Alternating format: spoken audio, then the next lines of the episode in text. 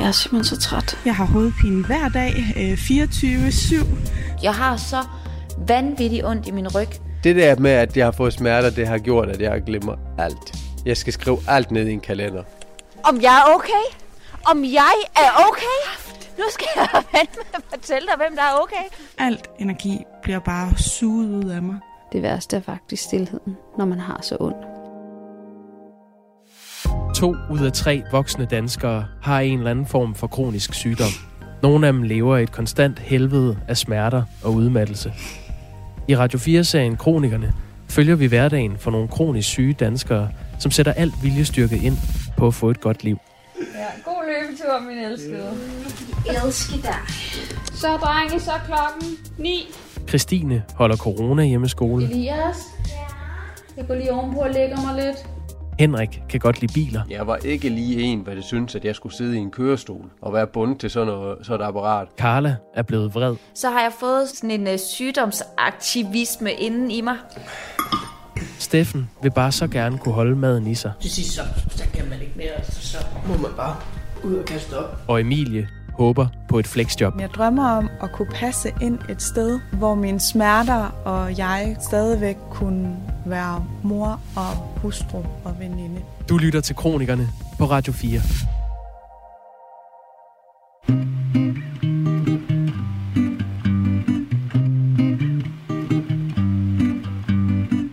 I et hus uden for Vejle bor Karla med sin kæreste og sønnen Hans på 6 år. Siden nytår har Karla holdt coronahjemmeskole for Hans og en af hans klassekammerater, og hun er træt.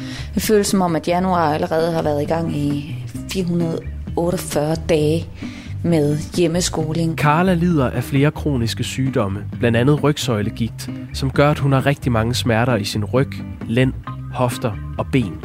Men hjemmeskolen skal holdes i gang, uanset hvordan Karla har. Det 1. februar. Vi har lidt skole i dag, og jeg har det rigtig dårligt i dag.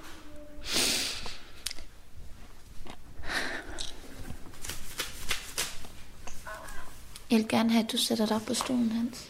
Hvis man sådan nøgteren kigger på det, så går det faktisk godt. Altså, der, der, der er ikke nogen, der er ved at blive skilt. Der er ikke nogen, der er ved at dø, og øh, altså, mit barn har lært at læse, imens at han har været hjemme. Selvfølgelig er der en masse forarbejde, han har lært i skolen for inden, det ved jeg godt. Men, men han har ligesom øh, knækket nogle koder og forstået, at bogstaverne sammen faktisk giver ord. Øhm, så sådan overordnet set, så går det jo egentlig godt. I øl. Det er rigtigt. Ja, hvad må det betyder? Hans. Øh, hensyn. Hansen. I forbindelse med det her hjemmeskole, så har vi jo oprettet øh, Karla-skolen. Øh, og, og det er jo bare mig, der sidder herhjemme og lader som om, at jeg er nogens lærer. Øh, vi har lavet en aftale med vores øh, naboer, der har en dreng på samme alder, i samme klasse, på samme niveau med Hans, om at han kommer ind, møder ind herover hver dag kl. 8, fordi så har den forældre, der er hjemme, har mulighed for at arbejde intenst om formiddagen fra 8 til 12, imens at drengene så er i skole her ved mig. I... Jo. J. Det kan være, at du også kan skrive jeg. Du kan skrive, jeg har set en hund. Som der er begravet. Men det er bare, altså det er sindssygt hårdt. Øhm, ja. Og jeg kan mærke, at min krop, den begynder at reagere. Øh, alle mine diagnoser, mere eller mindre, de er sådan meget... Øh, jeg, jeg ved ikke, om man kan sige, at de er stressbetonet, men de bliver i hvert fald de bliver trigget af, at jeg bliver stresset, og når jeg ikke tager hensyn til mig selv. Og det er bare sindssygt svært at tage hensyn til sig selv, når man øh, har nogen hjemme hele tiden, og især et barn på seks. Altså, der er sgu ikke særlig meget selvkørende over det. Jeg, jeg har, har. Ja. Klokken den er 20 minutter i 11, og øh, Carlas skolen har været i gang siden klokken kvart over 8 i morges. Jeg kan mærke, at min krop, den bare på ingen måde synes, det er sjovt. Jeg har så vanvittigt ondt i min ryg, øh, og skifter hele tiden imellem og øh, stå almindeligt op og læne mig tilbage, hænge over bordet, sidde på min, øh, min ståstøttestol og øh, forsøge at lægge mig ned i sofaen lige så snart, at, at der er en lille smule frikvarter. Men det går. Det er en streg ned og en tyk mave. Hans, kan du stave til hund? H. O. Nej. H. U. Ja. Mm, hund. N. Hund. D. Ja. H-U-N-D. Jeg synes selv, at jeg er en ret psykisk robust person. Så er det en øvedag, færdig med det, ny dag i morgen og videre. Og det har jeg altid været rigtig god til. Og det synes jeg egentlig også, at jeg er ok til nu. Problemet er bare, at, øh, at der går meget, meget kort tid i løbet af en ny dag, før det simpelthen vender igen. Så det er hele tiden sådan op, op ad bakke, ned ad bakke, op ad bakke, ned ad bakke. Altså det er virkelig svært for mig at tænke mere end tre dage frem. Så er det ligesom om, at min hjerne den bare sådan smelter ned.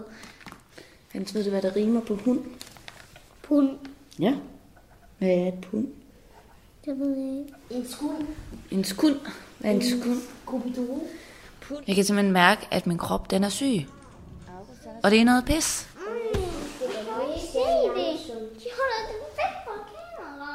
Det frustrerer mig, at der ikke er noget sluttidspunkt. Altså nu, nu snakker vi alle sammen den, om den 7. februar, bare det sker, og bare de kommer i skole.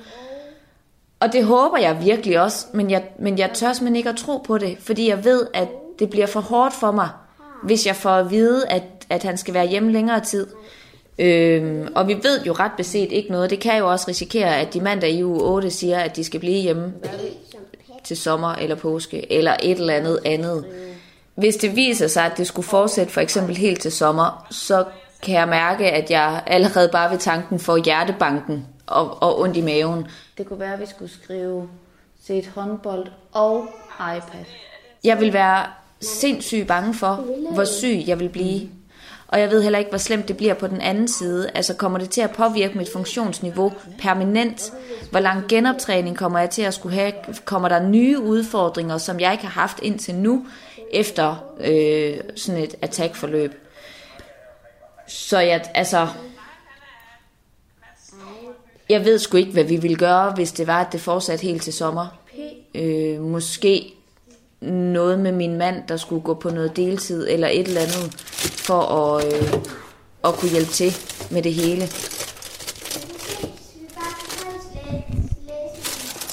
Jeg er virkelig. Jeg er i gang med at lave noget til ham.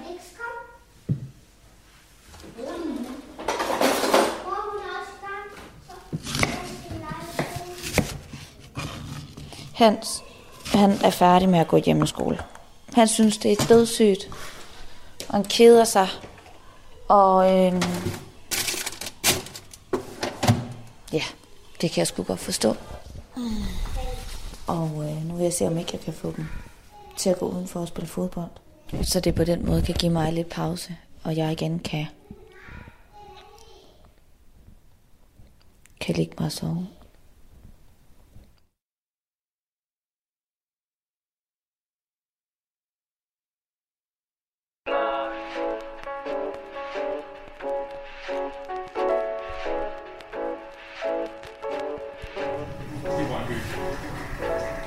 Søndag den 14. februar, Steffen Jul, så er det blevet tid til at se Brøndby. De ligger nummer 1 i øjeblikket. Steffen er 31 år, førtidspensionist og vild med fodbold. Det, det er sådan noget, man glæder sig til hele dagen. Man bare mærke sådan, det sidder ind i en. ikke? Før Steffen blev kronisk syg af slid og ledgigt samt polygondritis, en sygdom, hvor kroppen angriber sit eget bruskvæv, var fodbold hele hans liv. Så er der sgu fløjtet i gang. Nu kører vi. Før jeg blev syg, der var fodbold hele min identitet faktisk. Det var det, jeg stod op for. Man var i sit rette element, kunne man sige, når man trådte ud på fodboldbanen og scorede et mål, eller lavede en, en god takling eller noget, så, så gav det bare et, et sug i maven, som, som, altså det der adrenalinkick, kan man sige. Kom så. Kom så. Ah, oh, jamen, jamen, fodbold for mig giver mig bare en, en følelse inde i at være, være et, være, være helt, øh, at, at det er der, jeg ligesom blomstrer og, og, og kan mærke mig selv allerbedst, når jeg trådte ind på en fodboldbane. Kunne kæmpe for andre, kunne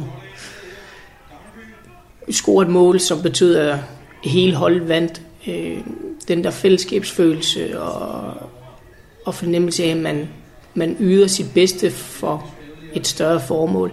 Det, det er nok det, der betyder mest for mig, at man, man kan gøre noget for et hold. Få nu fat i den bold, altså. Hvis bare... Jeg startede faktisk som, som angriber og har spillet ja, de offensive positioner på en fodboldbane. Øh, for ja, på et tidspunkt at spille centralt på midtbanen.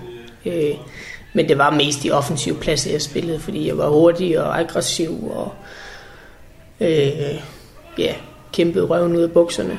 Øh, om for held, man godt.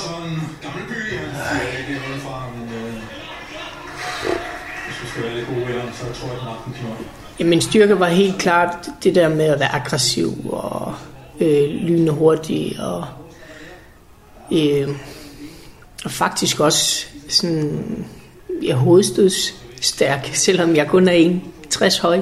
At, at med min springkraft er bare var god og timing. Øh, men, men især den der aggressivitet og, og vilje, øh, vil jeg sige, som mine største kvaliteter. Godt. Som ungdomsspiller, der havde jeg rigtig store ambitioner. Øh, det var ikke noget, jeg sådan talte højt om, fordi jeg, også, jeg var en ydmyg spiller, der kom fra Ærø, og jeg skulle bare ind og bevise, at jeg sagtens kunne, kunne spille med. Øh, men jeg kunne også godt mærke, at, at det ene førte til det andet, og, øh, og lige pludselig så, så spillede jeg i, først i, i B113, og så ville de så have mig til prøvetræning i FC Midtjylland, og så ville OB have mig, og at, øh, man kom ind omkring ungdomslandshold, og, og så man kunne ikke undgå at have ambitioner og tro på, at man kunne føre det til noget stort. Øh, og jeg havde da, da jeg kom til OB at, og spillede godt der, at, at jeg havde den ambition om, at jeg skulle ja, spille for dem i nogle år og komme på deres Superliga-hold. Så.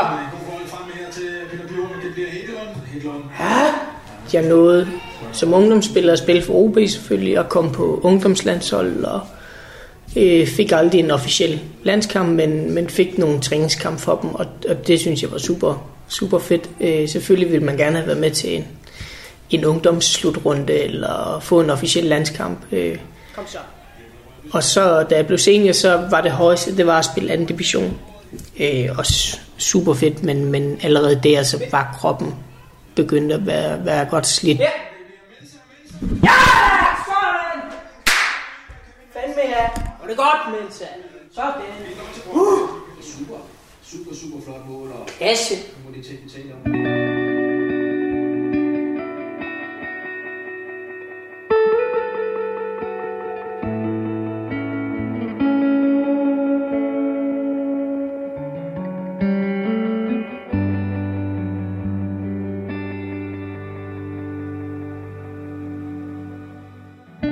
Men du ser jo ikke syg ud. Det er titlen på Christines blog, og på de foredrag, hun har holdt før corona. Men Christine er syg. Efter en faldulykke for 12 år siden, er hun især plaget af svær migræne. Christine savner at holde foredrag. Hun savner at have tid til sin blog, men med tre hjemsendte børn på 9, 13 og 15 år, har der ikke været meget overskud de seneste måneder. Jeg er mega presset. Jeg har bare været fyldt op med hjemmeskole i dag, og jeg er fuldstændig flad og mas nu. Nu krydser Christine alt for, at i hvert fald de yngste børn snart får lov til at komme i skole igen. Men, hvad er det i dag? Men den 1. februar 2021, Christine David. Jeg skal til at høre pressemøde lige om lidt. Stop, stop, dreng. Stop, dreng. Skal vi ikke dunke det sammen? Vi gør det. Stop. Jeg vil gerne dunke en. Jeg skal. Jeg Så vi siger til det presmøde. I 2017, tror jeg, det har været, der øh, var jeg til psykolog og snakkede, som man jo gør, og så spurgte psykologen mig, hvad vil du gerne i livet? Så sagde jeg, øh, jeg vil gerne hjælpe andre til at se, at det livet godt kan blive godt på trods. Og så sagde hun, men du er så dygtig til at formulere dig, Christine, så øh, hvorfor gør du ikke bare det? Vil I ikke være, dreng, med det der? og så startede jeg på Facebook øh, en side, øh, der hed Men du ser ikke syg ud. Fordi at øh, siden 2009, det første jeg bliver mødt med, eller er blevet mødt med på kommuner, eller i jobafklaringsforløb, eller ja, med mennesker, jeg aldrig har mødt før, det er, men du ser ikke syg ud. Ej, kan I ikke stoppe med det der? Kan I ikke lade være med det? Jeg vil gerne se det der. Stop nu. Jeg vil gerne se det der fjernsyn, ellers så går jeg ovenpå. Altså, jeg har i mange år sådan forberedt mig på, at jeg vidste godt, at på et tidspunkt, netop fordi jeg ikke ser syg ud, og jeg gør en indsats for ikke at se syg ud, så, har jeg gjort, så, så vidste jeg godt, at på et tidspunkt ville jeg nok blive mødt af en kritisk kommentar omkring, at jeg havde et handicapkort. Når hun sagde, eller han sagde, du ser ikke syg ud, så vil jeg sige, nej, men du ligner heller ikke umiddelbart en idiot. Men der kan du se skinnet bedrager. Så er klokken 18. Kom nu. Og så startede jeg sådan set bare med at dele nogle følelser omkring det at være kronisk smerteramt, og hvad jeg havde tanker omkring livet generelt, eller hvordan jeg blev mødt af folk. Og øhm, jeg brugte det lidt som sådan en slags dagbog, og jeg havde egentlig ikke regnet med, at der var nogen, der læste med. Lige pludselig så øh, var vi øh, noget over 6.000 mennesker på den her side, og jeg blev opfordret til at starte en lukket gruppe også. Og der er vi, ja jeg ved ikke engang, jeg tror efterhånden vi er en 2500 mennesker, plus at jeg også har min Instagram-profil. Øhm, og alle steder hedder den bare Medusex 7 jeg øh, blev så lige pludselig kontaktet af øh, nogle smerteklinikker og øh, nogle biblioteker, der gerne ville have mig ud og holde oplæg. Øh, og øh, da jeg stod i øh, Randers med 230 tilskuere, der måtte jeg knive mig selv i armen og tænke, er de virkelig kommet for at høre mig holde oplæg? Øhm, og øh, det er simpelthen en oplevelse, jeg vil leve højt på, til jeg ikke her mere. Øhm, for det var så stort for mig, og øh, vigtigst af alt, så minder det mig om, hvor meget der er behov for, at der bliver sat ord på, hvordan det er at leve med kroniske smerter eller kronisk sygdom, fordi at det har så store konsekvenser for de personer, der lever med det. Så, nu kommer de. Nu kigger de over mod døren. Så, nu skal I være stille, for nu vil jeg gerne høre det her. Corona har mest af alt haft en påvirkning på mig privat, at jeg er enormt udtrættet, og jeg er enormt udkørt. Og øhm, min blog har stort set stået stille de sidste par måneder. Jeg har været inde og skrive direkte og sagt lige ud, jeg er simpelthen udkørt. Jeg holder lige, øh, jeg holder lige vejret. Øhm, der er stille fra mig lige den næste periode. Eli, er du sød og vente? Du stopper nu! Det er fedt, skal Må jeg godt lige høre, hvad de siger? Og er nu kommet med en sundhedsfaglig indstilling, at det er forsvarligt at åbne grundskolen for de små elever. Hvornår? Og derfor kan vi melde, at børnene i 0. til 4. klasse vil kunne vende tilbage i skole om en uge, Ja. altså på mandag Ja. den 8. Nå, februar. dejligt. Og det er mange Elias? til, og primært er det jo, at Elias, vi står med du kommer i skole på mandag. helt syg, den der først Er det ikke dejligt? England, Det er så dejligt. øh, sammen.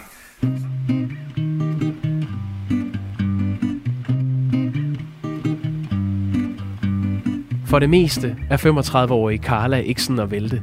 Hun er vant til at have kronisk ondt. Det har hun haft siden hun var teenager. Men de seneste mange ugers kombination af stærke, udmattende smerter og daglig hjemmeskole slider alligevel mere, end hun kan bære. Jeg sidder i mit køkken og har ild i brændeovnen. Udenfor er det mørkt, og det blæser, og det regner helt sindssygt meget. Hans og Jakob er på vej hjem, eller Jakob er nede og hente Hans. Min krop er blevet syg. Det virker så, så underligt at sige, fordi min krop er jo hele tiden syg. Men det er sådan med, med mange autoimmune sygdomme, så kan de ligesom være i ro, og så går de i udbrud, og ro og går i udbrud. Og mit system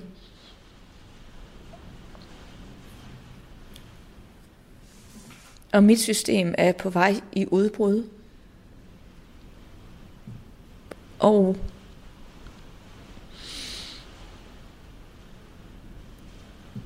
og, og det er jeg helt vildt ked af. Og jeg er presset over at ikke have noget tid alene, at min søn skal hjemmeskoles, og at der ligesom ikke er den tid, som jeg faktisk har brug for, for at slappe af og træne og meditere og gøre ting, der er gode for mig selv. Og jeg synes bare, at det er fucking hårdt. Nu lyner og tordner det kraftede mig også, altså. Det er der også bare en øh, ild i brænder og en kamille til at sætte dig ned og tud lidt dag, eller det ved jeg ikke, om der findes sådan nogen. Det gør så pisse ondt, at jeg drømmer om det om natten.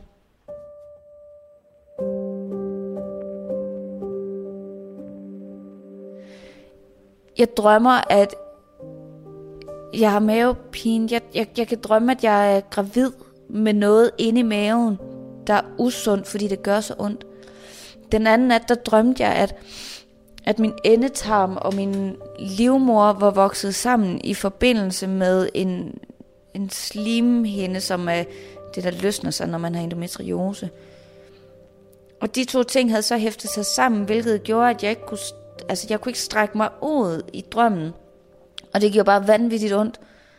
Og de var nødt til at fjerne det hele. Nogle gange så drømmer jeg, at der kommer snegle ud af min knæ og min hofter. Fordi det gør så pisse ondt, imens jeg ligger ned og sover. Og der så ligesom kan prikkes hul på mit knæ eller min hofte, er, så kan jeg ligesom poppe sådan nogle snegle ud. Så tidligere om morgenen kravler han så op i min seng og vil gerne putte. Og det eneste jeg tænker er, du må ikke røre mig, for det gør så ondt. Og det er så frustrerende at have så ondt i sin krop, at man bliver nødt til at sige til sin kæreste og sin søn, I må ikke røre mig, for det gør ondt. At man ikke kan tage imod en krammer, fordi det simpelthen gør fysisk ondt i skuldrene, når der er nogen, der lægger armene rundt om en, eller at man skal løfte armene op omkring halsen på en mand. Og at, det, at jeg skal vride hovedet for at, at give eller få en krammer, at det kan jeg ikke, fordi jeg er så stiv i nakken, nakken af betændelse. Det er så frustrerende. Det er så frustrerende at være i. Og selvom jeg virkelig, virkelig har en overbevisning om, at alting er ligesom det skal være, og at der altid kommer sol efter regnvejr, så det er fandme svært at være i, når de her udbrud, de så kommer igen. Når ens krop igen får et attack.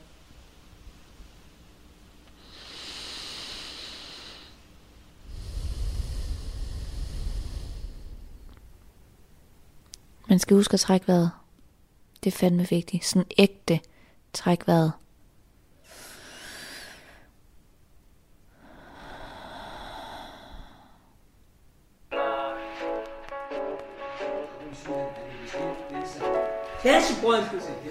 I Odense sidder Steffen helt alene i sin stue og råber til tv-skærmen. Fremragende mand. For Brøndby spiller Superliga-kamp. Helt vildt, altså. De følelser, der kommer op i en, når man så Brøndby. Jeg tror kun det er Brøndby-fans og andre fodboldfans, og hold der sådan kan forstå det. Kom så. Ej. For mange fodbold jo bare fodbold. Det er sgu ikke for mig. Jeg startede med at spille, og var med min, min storebror til træning, og han blev trænet af min far, så der var jeg med ude som ja, 3-4 år vel. Kan vi sgu holde fast nu? Efter en, en sommerlejr, sådan en sportslejr i Ringe, hvor jeg fik at vide, at jeg havde et, et talent og skulle til sådan noget unionstræning. Øh, at, at der tog det ligesom fart. At, at okay, jeg, jeg var måske god til det her og kunne føre det til noget. Og siden dengang har, har, har det bare været min store passion. Øh, og, og været mit et og alt, kan man sige. Hold fast. Hold fast. Men så er det så, sygdommen indtræffer, og, og, og kan godt mærke, at der sker en masse forandringer i kroppen der. Jeg kan ikke holde til at spille hele kampen. Jeg kan ikke holde til at træne lige så meget, som jeg kunne før. Og, øh, selve sygdommen blusser op, og man må holde lange pauser for fodbold, fordi man, man ikke lige ved, hvad der sker. Det, det er super frustrerende at være i, fordi man vil bare ud og spille fodbold, og man vil ja, kunne passe et job og passe sin, sin uddannelse. Og da jeg så fik diagnosen med, med polykondritis, at, og fik at vide, at jeg skulle stoppe, øh, at, at det var ligesom at blive ja, sparket hårdt i maven eller noget. Øh, der, der gik ja, en del af en gik i stykker. Og der, og der gik lang tid før jeg, jeg, jeg accepterede det og øh, skulle snakke med min træner og holdkammerater om, at jeg skulle, skulle stoppe og spille den sidste kamp. Øh. Amen for... Hvem var den til? Det er noget, jeg så sjældent snakker om. Øh, og det er en proces, jeg stadig er i gang med at bearbejde. Fordi fodbold har været hele mit liv.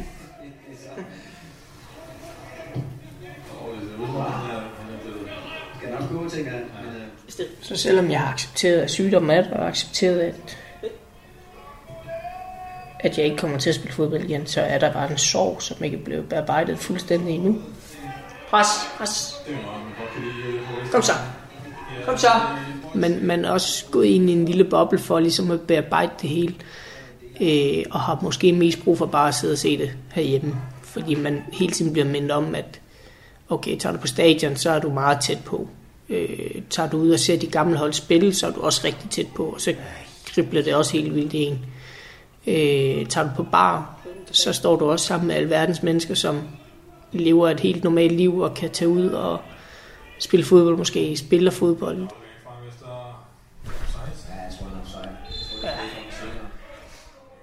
Det man har mistet og ikke får igen. Hele tiden blive mindet om det. Øh, det, det gør bare en ked af det, og, og jeg er både vred og frustreret. Øh, allermest ked af det, fordi man, man er jo ikke selv herre over sit helbred, desværre. Og det er jo ligesom det, der har taget, taget det fra en. Jeg har ikke fået en fred med at kunne tage ud og se mit gamle hold spille. Øh, fordi det stadig, stadig vækker alle de her følelser i mig. Kom så. Kom så. Ja, Lindstrøm! Sådan! Klasse, mand!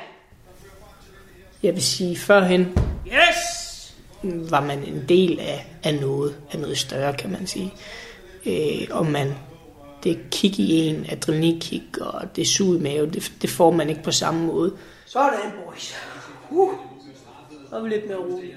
Fordi jeg er jo ikke en del af det som sådan. Det er jo ikke mig selv, der yder en indsats, kan man sige. Øh, så på den måde har jeg mistet rigtig meget af, af den glæde og passion ved fodbold. Sådan. Endelig ja.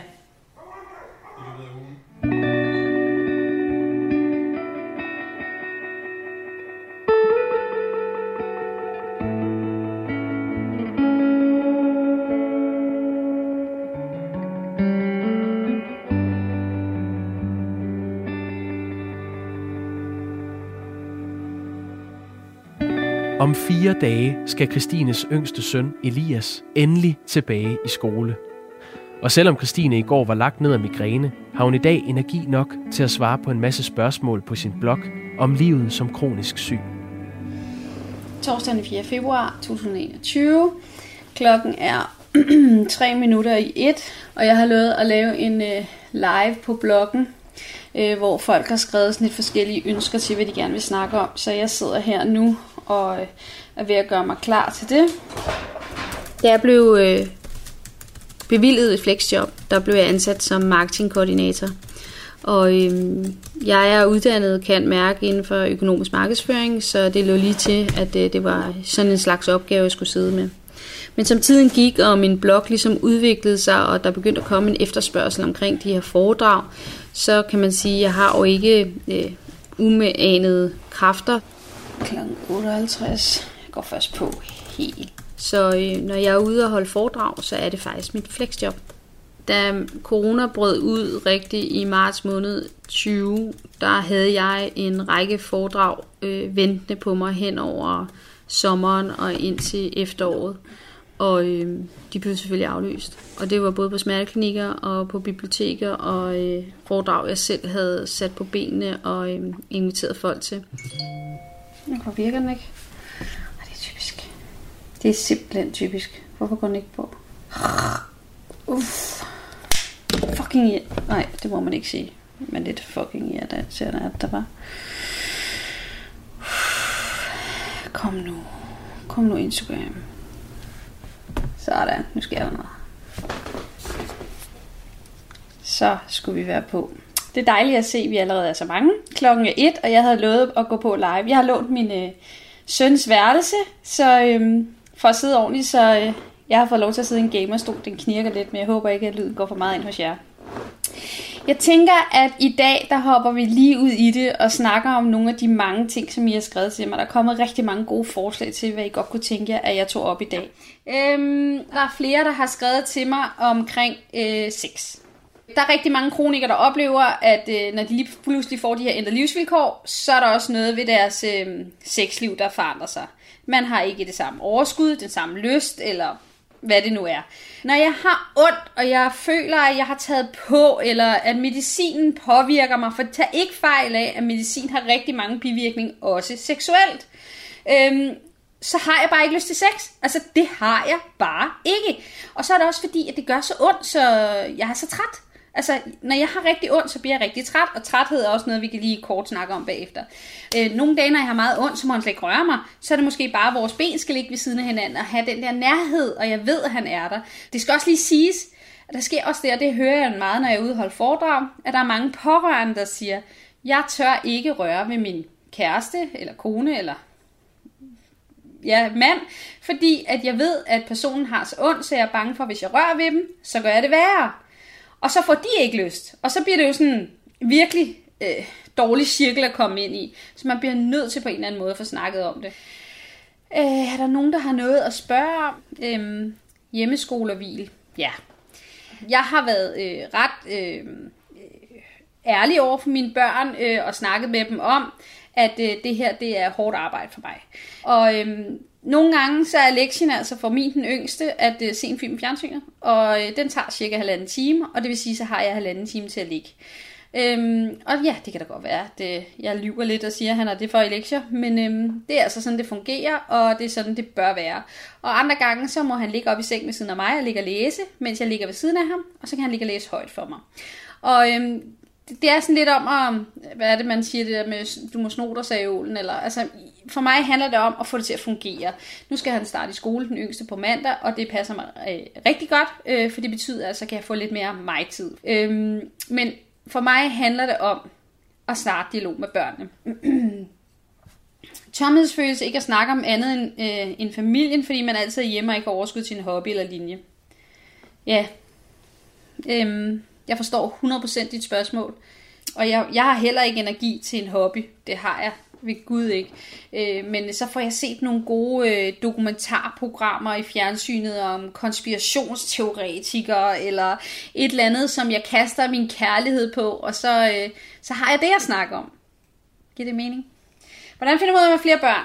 Det er godt, du skriver. Det blev jeg også spurgt om i går, om jeg ikke vil snakke om. Man kan jo godt regne ud, at jeg har en, øh, en hvad har, hvor gamle er de? Jeg har en øh, 15-årig, en 13-årig og en 9-årig. Øh, og øh, man kan godt regne ud, at øh, eftersom jeg har haft smerter i 12 år, så er den 9-årige, han er jo kommet til midt imellem. Øh, var det klogt? Ja, det var det.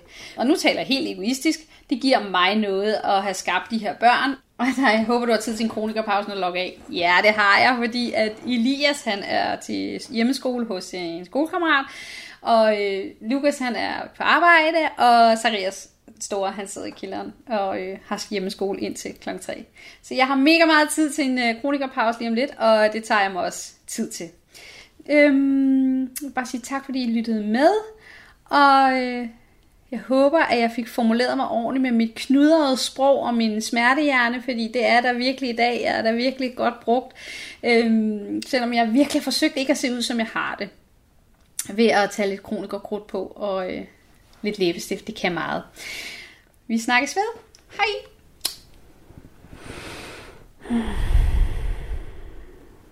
Hvor er jeg bumpet nu?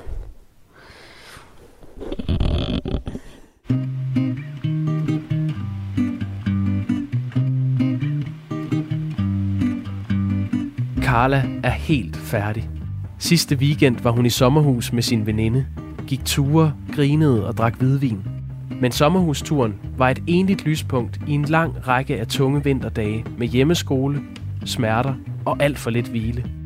Derudover burde hun være i gang med at søge nyt flexjob, men Carla orker ikke mere. 2. februar. Nå, jeg vil bare lige tage jer en tur med på sofaen. Jeg har lige været øh, ude for at handle til øh, aftensmad. Jamen, jeg kan ikke engang samle mig om at sige noget. Jeg er, jeg er så træt. Jeg har været ude for mit hjem, jeg tænker 20 minutter, halv time. Altså, inklusiv øh, gå ud til bilen og køre hen til købmanden og alt det hele. Og, og jeg har faktisk også øh, tanket benzin eller slået diesel på bilen. Og det føles som om, at jeg har været på arbejde i 14 timer. Altså, jeg, jeg, jeg er fuldstændig brugt. Både altså sådan smertemæssigt kan jeg mærke, at jeg har virkelig mange rygsmerter og hoftesmerter lige nu. Mine muskler er bare sådan helt... Altså. Og det er så crazy, det er tirsdag, ikke? Så kan vi lige spole tilbage til lørdag, hvor jeg inden middag havde gået 11.000 skridt. Øhm, og var på hele dagen. Og drak øh, hvidvin om aftenen. Sammen med Ninette. Altså, og bare havde en virkelig, virkelig god dag. Og så sap frem til nu, hvor jeg bare altså er fuldstændig drænet af absolut ingenting.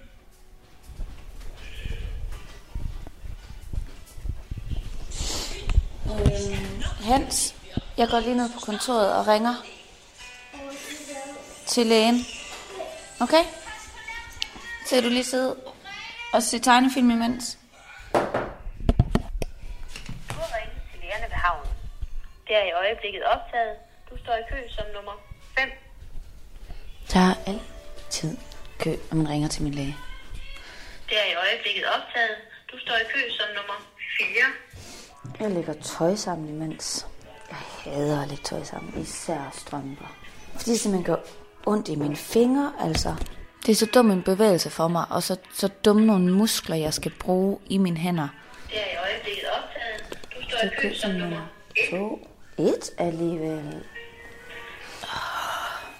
Jeg har det ikke godt med det her, og jeg kan ikke sådan rigtig fortælle, hvorfor. Men jeg føler på en eller anden måde, hvad fuck er det for noget musik? Det er i øjeblikket optaget. Du står i kø som nummer 1. Sådan en helt grundlæggende følelse af, at man er i vejen. At man, altså jeg har, når jeg ringer til min læge nu her, jeg føler, jeg forstyrrer dem i deres arbejde. Jeg er deres arbejde. Og jeg forstår ikke. Ja, goddag. Uh, Tina Karle Pilgaard Sørensen. Hej. Jeg ringer, fordi øh, jeg ved ikke lige, om det er jer, jeg skal have fat i, men øh, jeg er flexjobber, og jeg er ledig lige for tiden. Og hvis jeg havde været på et arbejde, så havde jeg ringet og sygemeldt mig. Men jeg har jo ikke sådan nogen at ringe og sygemelde mig til, agtig. Øhm, og når jeg har sagt til kommunen, at det er sådan lidt svært og lidt hårdt, og sådan de skal balancere øh, sygdom og hjemmeskole og alt muligt, så har jeg bare fået videre, at jeg må sende mit barn i nødpasning. Øhm, og det synes jeg ikke lige udenbart er en mulighed, fordi jeg er i risiko og forskellige ting. Og i virkeligheden, så vil jeg godt bare have lov til at passe på mig selv. Jeg plejede at snakke med Line. Jeg bliver lige lidt ked af det nu. Undskyld. Ja, ja, det er helt okay. Det er helt okay. Ved du hvad, øhm, jeg tror lige, jeg, send, jeg sætter dig over i, og til at snakke med Anne. Ja. Og ved du hvad, du skal ikke spekulere på, at du bliver ked af det. Det er helt Ja. okay. Ja, så det kan vi sagtens klare. Det er godt. Tak. Ja, hæng bare lige på, ikke også? Tak for det. Ja, det sker altid. Jeg kommer næsten altid til at græde, når jeg skal. Øjeblikket optaget. Du står i kø som nummer 1. Jeg hader, at jeg kommer til at græde. Og det sker bare næsten altid. Og jeg ved ikke hvorfor. Andet end at... Jeg bare synes, det er ubehageligt. Ja, det er på. Ja, goddag. Tina Karla Pilgaard. Ja, godmorgen. Godmorgen. Øh, jeg blev stillet ind til dig for at snakke om noget sygemelding. Øhm, jeg er ledig i flexjobber lige nu. Undskyld, jeg bliver ked af det. det ved jeg altså ikke lige, hvorfor jeg gør. Øhm, når jeg har sagt til hende der jobkonsulenten, at øh, det er virkelig svært for mig at balancere diagnose og øhm, øh, gigt og medicin og lægebesøg og hjemmeskole og jobsøgning, så får jeg at vide, at jeg må sende mit barn i nødpasning. Øhm, Undskyld, jeg lyder sådan her. Ja, jeg vil egentlig bare gerne have lov at blive sygemeldt, og lige få lov at have lidt ro i nogle uger, og kan, kan lige få styr på min krop igen, og øhm, ja, Altså, hvis du kan mærke, at du ikke magter det, så, så, er, det jo, så er det din opfattelse, der gælder der, så er det jo det, du må sige til din, til din sagsbehandler. Ja. Så kan de jo så forlange en lægeerklæring på det, og det må vi jo så forholde os til, ikke også? Men øh, jeg kan finde en tid, så du kan komme ned og snakke med en. er det så en telefontid eller en møde-op-tid? For jeg vil helst, at jeg ikke skal møde op. Jamen, vi kan godt aftale, at det bliver over telefonen eller video, Ja, hvor du lige må gøre rede for, ja, for situationen, ikke det er bare fint. Tak skal du have. Selv tak. Det er godt. Hej.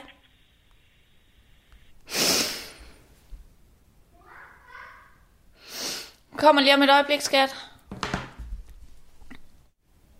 Det virker fuldstændig sindssygt, altså. Jeg betragter virkelig mig selv som et stærkt og ressourcestærkt og handlekraftigt menneske. Jeg føler, at jeg bliver slået hjem. Så mange gange.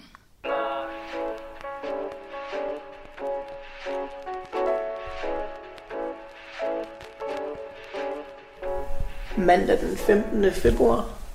Steffen Jul. Ja, yeah, så blev det jo en sejr til Brøndby i går, og hold op. Det gør bare, at hele den kommende uge bliver, bliver lidt bedre. Udover at være dedikeret Brøndby-fan, er Steffen også selv tidligere fodboldspiller.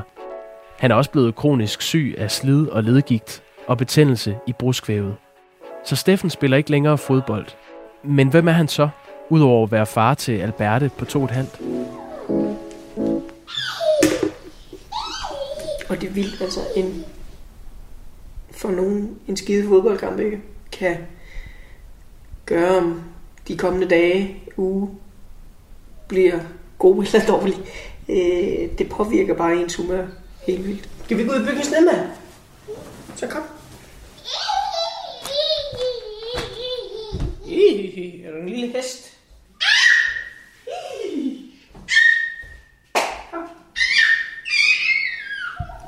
Jamen det med, at jeg mister, eller føler, at jeg ligesom mister hele min identitet øh, ved ikke at kunne spille fodbold, det er, at, at, at det var ligesom det folk kendte mig på.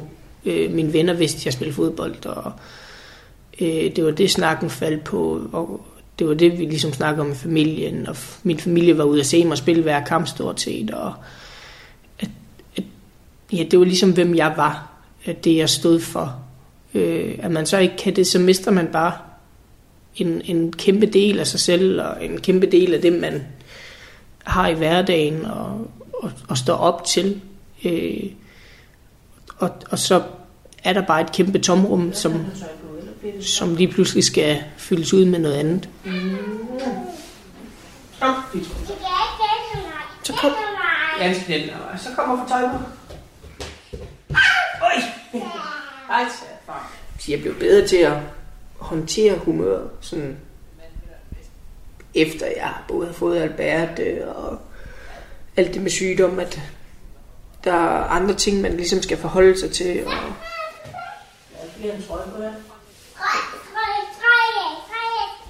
Trøje, trøje, trøje.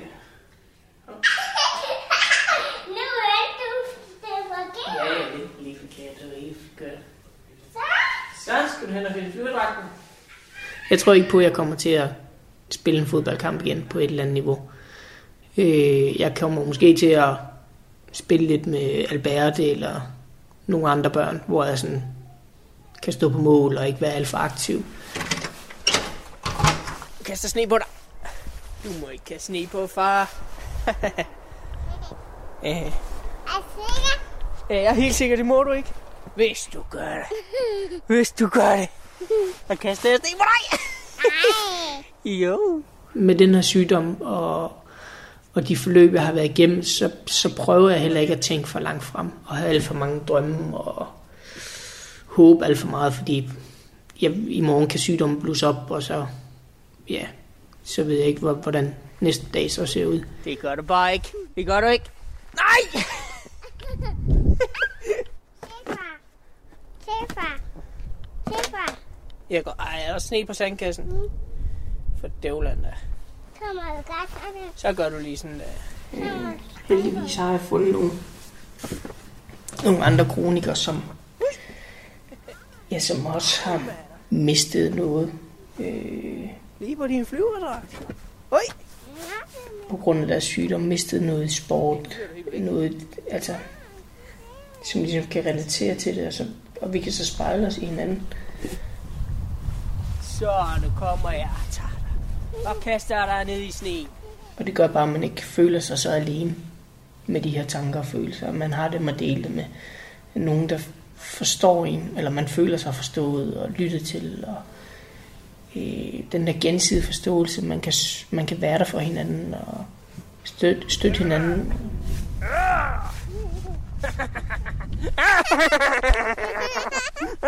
Ned Øj.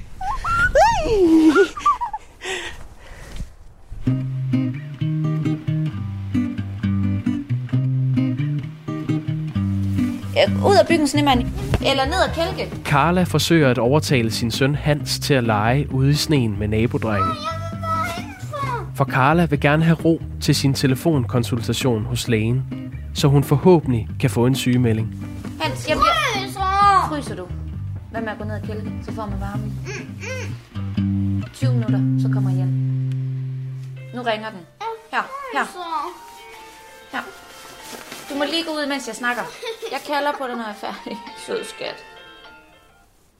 Det er Carla. Pæn goddag, øh, jeg hedder Nedim, jeg er læge her i lægehuset ved havnen. Ja, Hej så. hej. Kan du hænge på lige to sekunder? Jeg har lige en øh, hjemmeskole-krise. To sekunder. Så tag dit tøj af og sæt dig ind. Jeg kan ikke lige hjælpe dig. Jeg bliver nødt til at snakke med ham her nu. Sådan, sorry. Ja, det er orden. Og det var noget med, at vi skulle snakke omkring en, øh, en sygemelding, øh, Tina. Er det rigtigt forstået? Ja, under det her corona der har bare ikke været øh, tid til at passe på mig selv. Altså, jeg har ikke tid til at holde pauser, som jeg plejer at gøre i løbet af dagen, for at min krop kan følge med. Jeg har ikke tid til at træne. Jeg har ikke tid til alle de ting, som, øh, som gør godt for min krop. Så hvis du føler, at din krop er mere stresset, end den plejer, og du føler sådan, at øh, øh, din colitis og inflammatoriske gigtlidelse, det, den ligger om uger, så, og du føler, at det er sådan stressrelateret, så, så vil en sygemelding jo være det bedste for dig. Ja, jeg, øh, jeg kan sagtens sygemelde dig. Øh, har du sådan en idé om, sådan i år, hvor lang en periode du sådan ønsker en sygemelding, eller Altså- eller hvorledes? Har du gjort dig nogle tanker om det? ja, i første omgang, så tænker jeg 14 dage. Altså jeg vil sige, at det er godt nok øh, meget optimistisk med, med, med to uger. Altså, Ja, men jeg vil også rigtig gerne lytte til, hvad du siger, fordi jeg, jeg er lidt jubeloptimist, øh, og, og, øh, og har tit fået at vide, altså uagtet, hvor jeg ligesom har været, om det var til afklaring i flexjob eller genoptræning ved fysen, at jeg, jeg vil meget mere, end jeg kan, og jeg, jeg presser mig selv for hurtigt, fordi jeg, jeg tænker, "Nå, så, så går det lige over. Øhm, Vi kan jo sagtens sygemelde dig i hvad nu, fire ugers tid, så det vil sige cirka en måneds tid. ja, Så det, det, det tror jeg, det vil give dig lidt mere tid til ligesom at restituere og Ja. give dig lidt mere tid til at reflektere over nogle ting og så videre. Så jeg tror, at i en måned, det vil gøre dig mere gavn frem for to uger. Det synes jeg godt nok er Okay. øh, med god bedring ved det hele fald. Tak skal du have, og tusind tak for hjælpen for nu. Selv tak. Ja. Jamen, øh, så er jeg jo officielt sygemeldt igen. Igen, igen. Hip hurra for mig.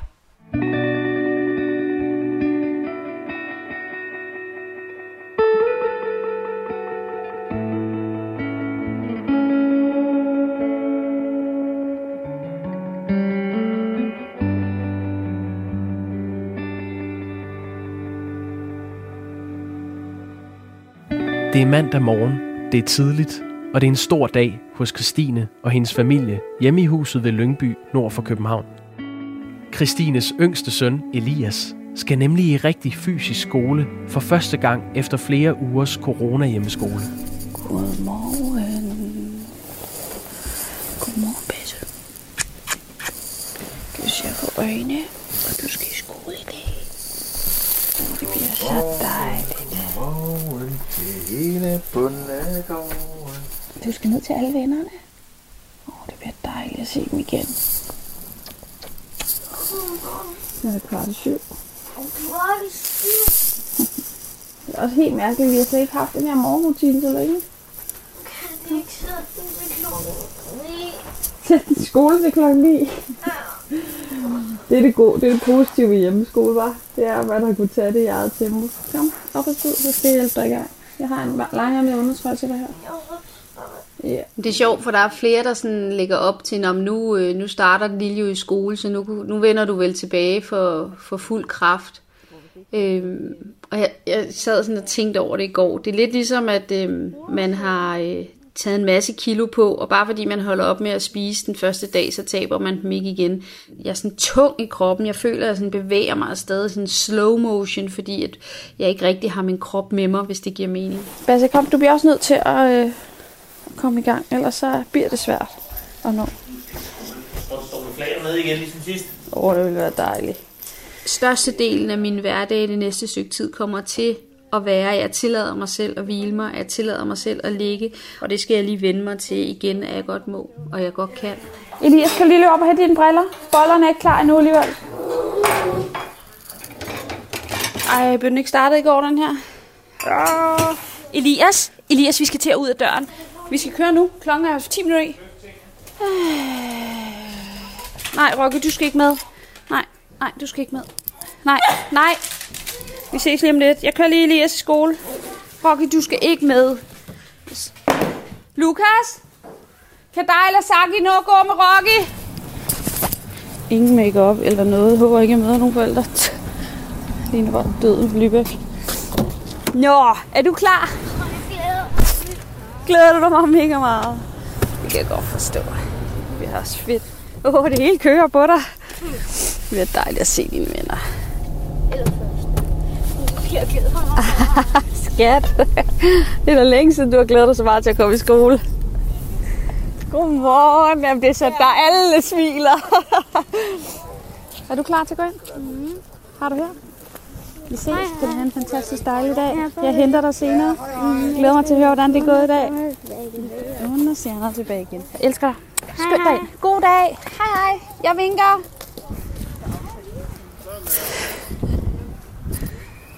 Har sådan en fast vinkeplads. Ser jeg ham gå ind ad døren. Ui. Så er han afleveret. Elias var der noget så lykkelig over, at han skulle afsted. Ja, det jeg tror faktisk aldrig nogensinde, ikke engang første skoledag, han har været så overdrevet glad og sagt så mange gange, hvor meget han glæder sig til at komme i skole. Ah, men det er ligesom at blive helt rørt. Så er det hjem til de to andre. Du har lyttet til femte afsnit af Kronikerne på Radio 4. Her medvirkede Carla Pilgaard, Steffen Jul og Christine David. Desuden hørte du Anne Fynbo og Nadim Toyaka. Jakob Grosen har spiket, Cecilie Sønderstrup og Christine Sølling Møller har tilrettelagt. I næste afsnit af Kronikerne har Christines forsikringsselskab endnu en gang bedt om en undersøgelse af hendes helbred. Emilie forsøger at finde en identitet som kronikermor.